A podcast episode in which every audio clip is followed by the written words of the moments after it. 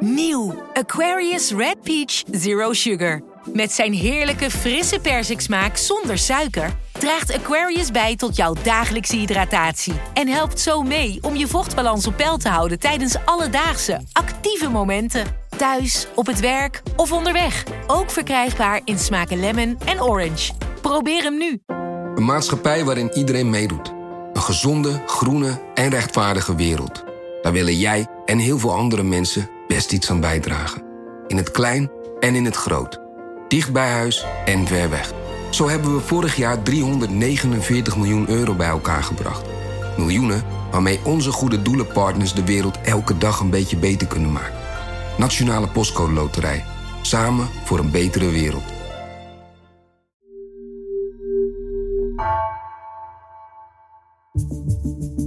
Vanaf de redactie van NRC het verhaal van vandaag. Mijn naam is Gabriella Ader.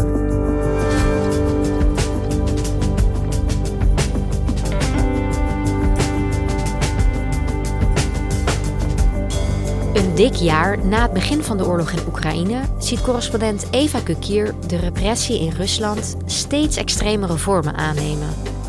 Niet alleen journalisten en oppositieleden wordt de mond gesnoerd, maar steeds vaker zijn ook kritische burgers het doelwit. Hoe is het om te leven in zo'n repressief regime?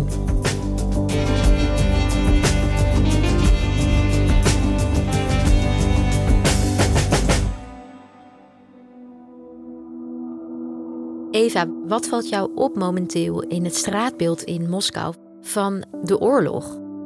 Is dat te merken? In Moskou kun je eigenlijk heel makkelijk langs de oorlog heen leven. Dat komt omdat je er gewoon in het dagelijks leven niet veel van hoeft te merken. De cafés en de restaurants die zitten vol. Uh, mensen gaan gewoon naar hun werk. Uh, ze maken uitstapjes. En ja, iedereen leidt gewoon zijn leven. Je ziet natuurlijk wel uh, hier en daar die Z-tekens, die V-tekens, dat oorlogsteken dat vorig jaar werd ingevoerd eigenlijk in Rusland van overheidswegen. Uh, die zie je bijvoorbeeld uh, bij de ingang van het park of uh, bij grote drukke plaatsen zoals stations en, en, metro's, soms ook in de metro. je ziet het ook wel op openbaar vervoer, dus op bussen bijvoorbeeld. je ziet ook overal billboards van soldaten, de verdediger van het vaderland, de bevrijder van de Donbass. Dat is allemaal onderdeel van het straatbeeld, maar dat is al een jaar en eigenlijk ja, besteden mensen daar steeds minder aandacht aan. Het is een soort onderdeel geworden van het leven, ja, waar je inmiddels niet meer zo van opkijkt. Toch merk je dat er wel degelijk iets broeit onder de oppervlakte. Je merkt dat het land heel erg gespannen is, dat de sfeer uh, in de publieke ruimte ook gespannen is en ja, de angst rukt op in Rusland. En Mensen zijn steeds voorzichtiger in wat ze zeggen, wat ze zeggen in de openbare ruimte, wat ze zeggen tegen mensen op straat, maar zelfs ook wel ja, op je werk, uh, in je familie. En dat komt omdat er angst toeneemt dat als jij iets zegt in de publieke ruimte, hè, of, of tegen vrienden of, of tegen collega's, ja, dat ze jou kunnen verraden, dat ze je kunnen verklikken, dat jij geen patriot bent, dat je de oorlog niet steunt. En dat begin je steeds meer te merken in Rusland. Je ziet dat het afgelopen jaar onder invloed van de oorlog en de repressie Rusland echt is veranderd in een ja, steeds totalitairder, misschien wel echt totalitair regime.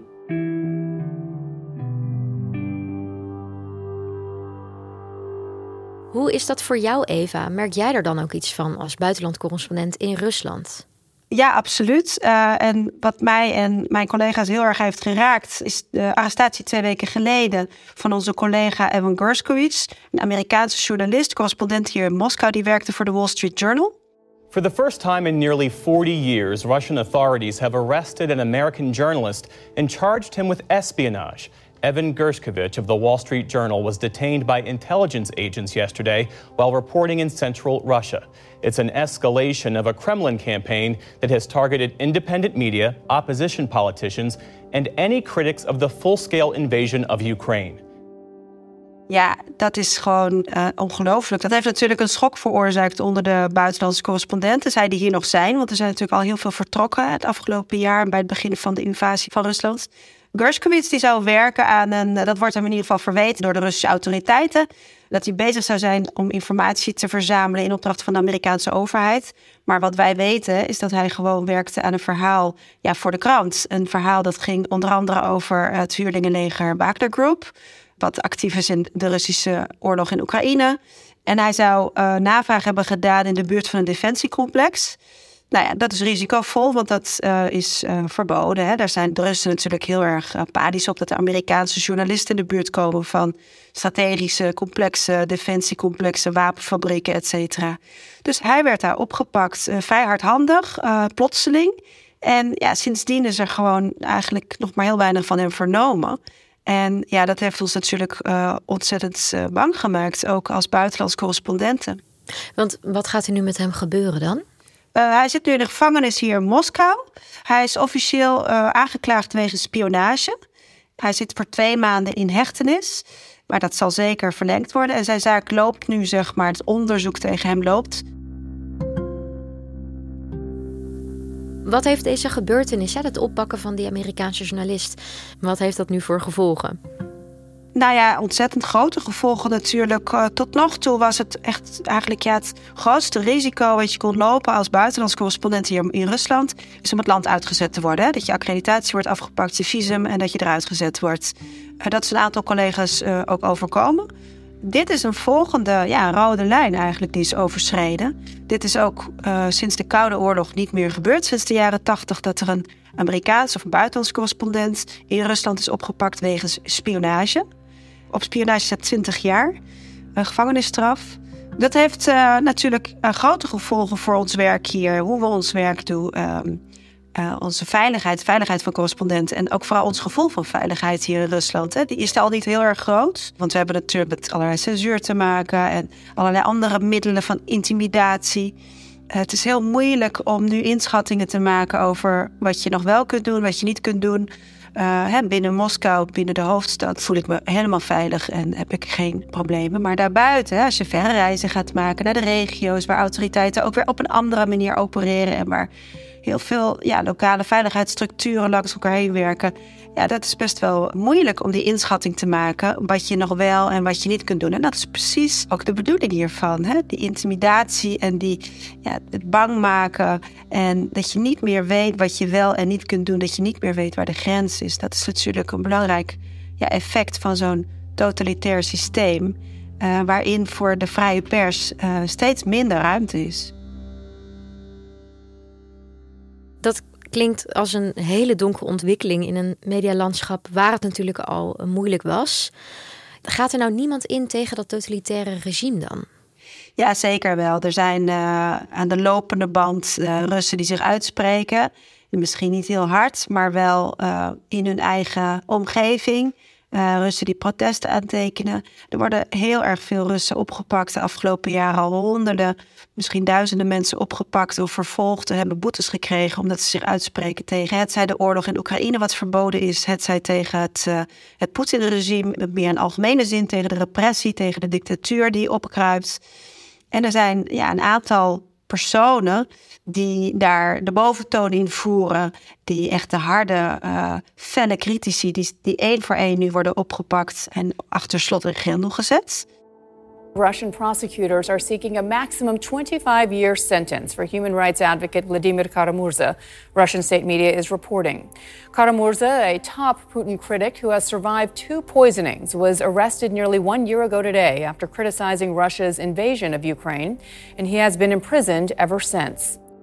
Een belangrijke zaak is uh, die tegen de Russische politicus Vladimir Karamurza.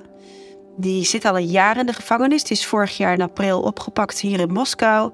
En vorige week is tegen hem 25 jaar kamp geëist. Dat is echt een absurde strafeis. Karamurza is accused of high treason and spreading false information about the Russian army after he criticized Moscow at events abroad. Russia adopted a law criminalizing so called false information about its military shortly after it rolled into Ukraine in February last year.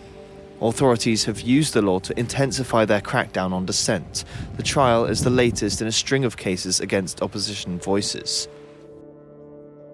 Eigenlijk is de zaak tegen hem uh, de belangrijkste sinds de arrestatie en veroordeling van Alexei Navalny, hè, die we allemaal kennen, belangrijkste Russische oppositiepoliticus, zijn heel vergelijkbaar. Ook uh, Karamurza werd de afgelopen jaren geschaduwd door de FSB. Hij werd twee keer vergiftigd, waardoor zijn uh, gezondheid behoorlijk slecht is.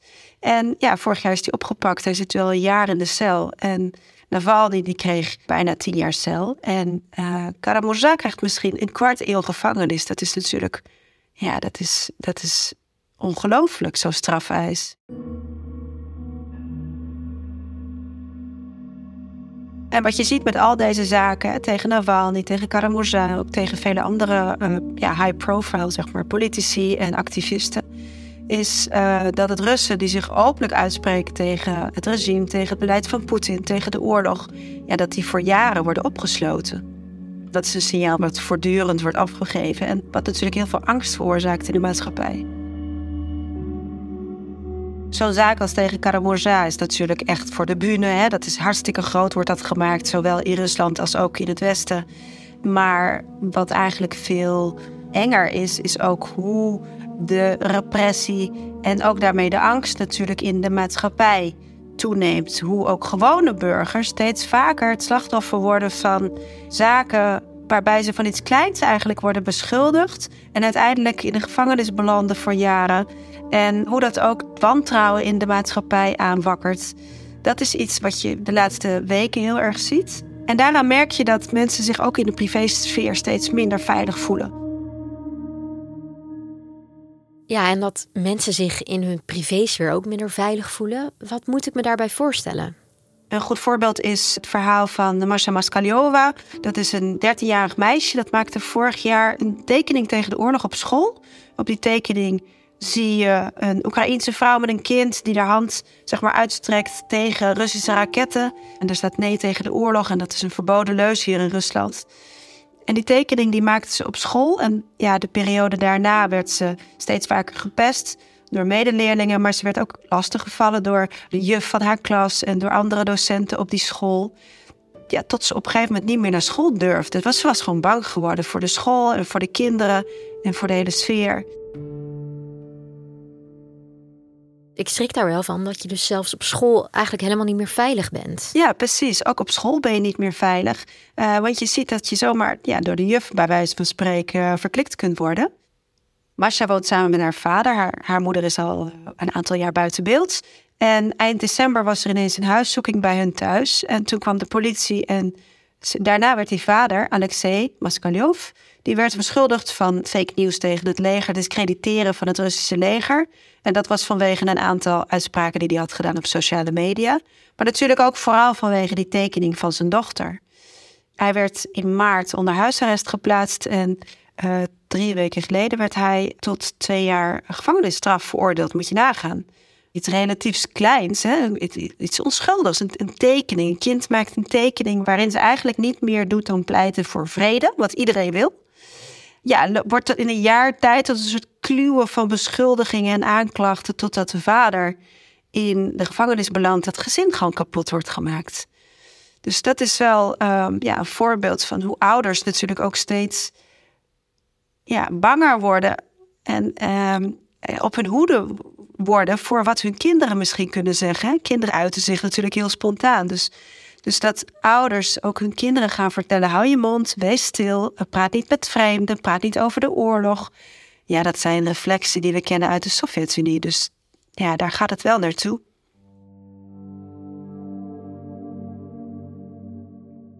Ja, het klinkt even alsof die intimidatie en die angst, alsof die helemaal door de samenleving heen zijpelt nu.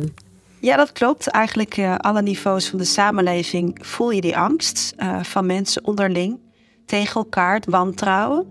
Het gebeurt niet alleen op scholen, maar ook eh, zijn er voorbeelden uit, uit de publieke ruimte van mensen die bijvoorbeeld ja, gewoon aan het tafeltje zitten te praten met elkaar. En iemand die hoort dat en die doet daar melding van. Dat gebeurde een koppel in een café in Zuid-Rusland. Vorige maand spraken met elkaar gewoon onderling in een privégesprek over de oorlog. Maakten een grapje, geloof ik. En werden vervolgens ja, door iemand die dat had opgevangen, werden ze aangegeven. Volgens van de politie in dat café werden ze echt heel hardhandig. Dat liep echt uit op een conflict, op een uh, handgemeen. Die mensen werden opgepakt. half maart gebeurde het hier in de metro in Moskou dat een man werd opgepakt nadat hij ja, zijn telefoon, zoals iedereen dat doet in de metro, zijn telefoon had zitten scrollen en kennelijk had hij beelden bekeken. Die werden uitgelegd ook als discreditatie van het leger voor Oekraïne eh, tegen Rusland. En een medereiziger die zag dat. Je zit in de metro hier in Moskou, je zit gewoon allemaal naast elkaar. Dus je kijkt wel eens mee op de telefoon van je buren. En die deed daar melding van. En na een aantal stops uh, werd hij aangehouden door de politie. En die bekeken die foto op zijn smartphone uh, en hebben vervolgens hebben hem opgepakt vanwege ja, het bekijken van extremistisch materiaal. En dat zijn ja, maar een paar voorbeelden, maar dit gebeurt door Rusland heel erg veel. Steeds meer ook. En ja, we horen natuurlijk alleen maar een paar voorbeelden in de media. Maar uh, ja, dit wordt steeds wijdverbreider. En die verhalen zijn zo belangrijk, of deze ontwikkeling is zo belangrijk, omdat ja, de overheid dus kennelijk niet alleen de publieke ruimte wil controleren, hè, en de media en wat er in de openbaarheid publiekelijk wordt gezegd, maar ook steeds meer de privésfeer. En ja, dat leidt tot gevallen van verklikkerij, waar we het net over hadden. Nou, dat klinkt eerlijk gezegd heel donker en dystopisch. En het lijkt een beetje alsof de Russische bevolking nu een soort gevangen wordt genomen door een onzichtbaar net. Um, maar wat als ze daar nou onderuit willen? Zou dat kunnen? Is er nog een weg uit momenteel? Nou, laat ik vooropstellen hè, dat zoals wij er nu over praten, dat gebeurt in Rusland natuurlijk vrijwel niet, of, of heel erg weinig. Tenminste, niet zo openlijk. Veel Russen hebben echt een gevoel van machteloosheid. Veel Russen die hebben zich afgesloten van alles wat er gebeurt. Die volgen het nieuws niet meer. Dus heel veel Russen die weten het niet. Heel veel Russen steunen ook uh, Poetin, de militaire operatie in Oekraïne en geloven de propaganda die ze wordt voorgeschoteld. Maar ja, dan heb je natuurlijk ook een, een, een, klein ja, contingent van actieve, echt actieve tegenstanders. Zeg maar die harde kern, die moet wel echt oppassen. En uh, ja, kijk, mensen kunnen gewoon vertrekken als je dat wil. Tenzij jij uh, openstaande boetes hebt of schulden, kun jij gewoon het land uit. Maar ja, wat dan? Hè? Mensen kunnen niet zomaar ja, die kinderen inpakken en vertrekken. Mensen hebben uh, vaak gewoon banen en je, het kost heel veel geld om te migreren. En daarbij, waar kom je terecht? Je komt bijvoorbeeld in, ja, in Dubai of in Turkije of in Thailand terecht. En wat ga je dan doen? Dus ja, dat is, hè, migratie lijkt wel eens een oplossing van nou, dan vlucht je toch gewoon naar een ander land.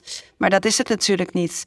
Dus heel veel mensen blijven in het land, of gewoon iedereen blijft bijna in het land en ja, isoleren zich steeds meer worden steeds stiller en steeds angstiger en durven zich steeds minder uit te spreken. En wat dat betreft is die, uh, die repressie ontzettend effectief.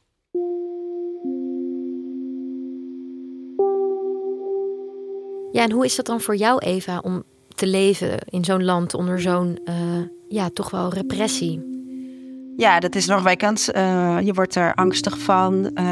soms heb je beetje last van paranoia. Dat je denkt, hè, wie kijkt er mee met een telefoon in de metro? Dus ja, dat voelen we allemaal. Dat voelt iedereen die hier uh, woont en leeft. Voor journalisten is het extra spannend, omdat wij, nou ja, ook zeker vanwege de arrestatie, onlangs van onze collega, ja, steeds natuurlijk echt in het vizier zijn, ook van de autoriteiten. Tegelijkertijd, ja, juist omdat die repressie niet zichtbaar is. Hè, het is niet zo dat mensen massaal van straat worden gesleurd, uh, zoals in de Sovjetjaren en in kampen worden opgesloten is het die willekeur um, die een beetje onder je huid kan gaan zitten. He, dus de gespannen sfeer onder alle lagen van de bevolking. En het idee dat eigenlijk ja, de Russische staat toch een soort oorlog voert, ook tegen zijn eigen bevolking, tegen zijn eigen burgers en groepen tegen elkaar opzet, uh, wantrouwen aanbakkers in de samenleving. Dat alles, ja, dat creëert een soort cocktail van, ja, van, van ongemakkelijk gevoel, van een soort angst. En dat is precies waar de overheid op uit is. En eigenlijk de beste metafoor die ik daarvoor kon bedenken is. Uh, voor wie uh, The Lord of the Rings uh, gelezen heeft of de films heeft gezien, dat oog van Sauron. Dat grote, felle oog dat vanaf een duistere toren eigenlijk als een soort zoeklicht over het land gaat en rondkijkt wat er gebeurt en dat overal doorheen kan kijken.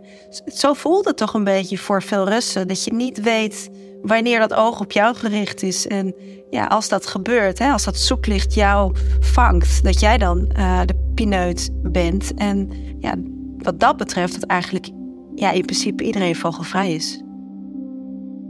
Dankjewel Eva en uh, doe voorzichtig. Graag gedaan.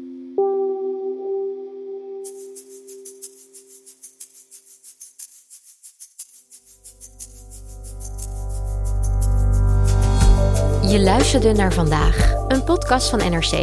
Eén verhaal, elke dag. Deze aflevering werd gemaakt door Lis Doutsenberg, Ignaas Schoot, Iris Verhulsdonk en JP Geersing. Coördinatie door Henk Ruigrok van de Werven. Dit was vandaag, morgen weer.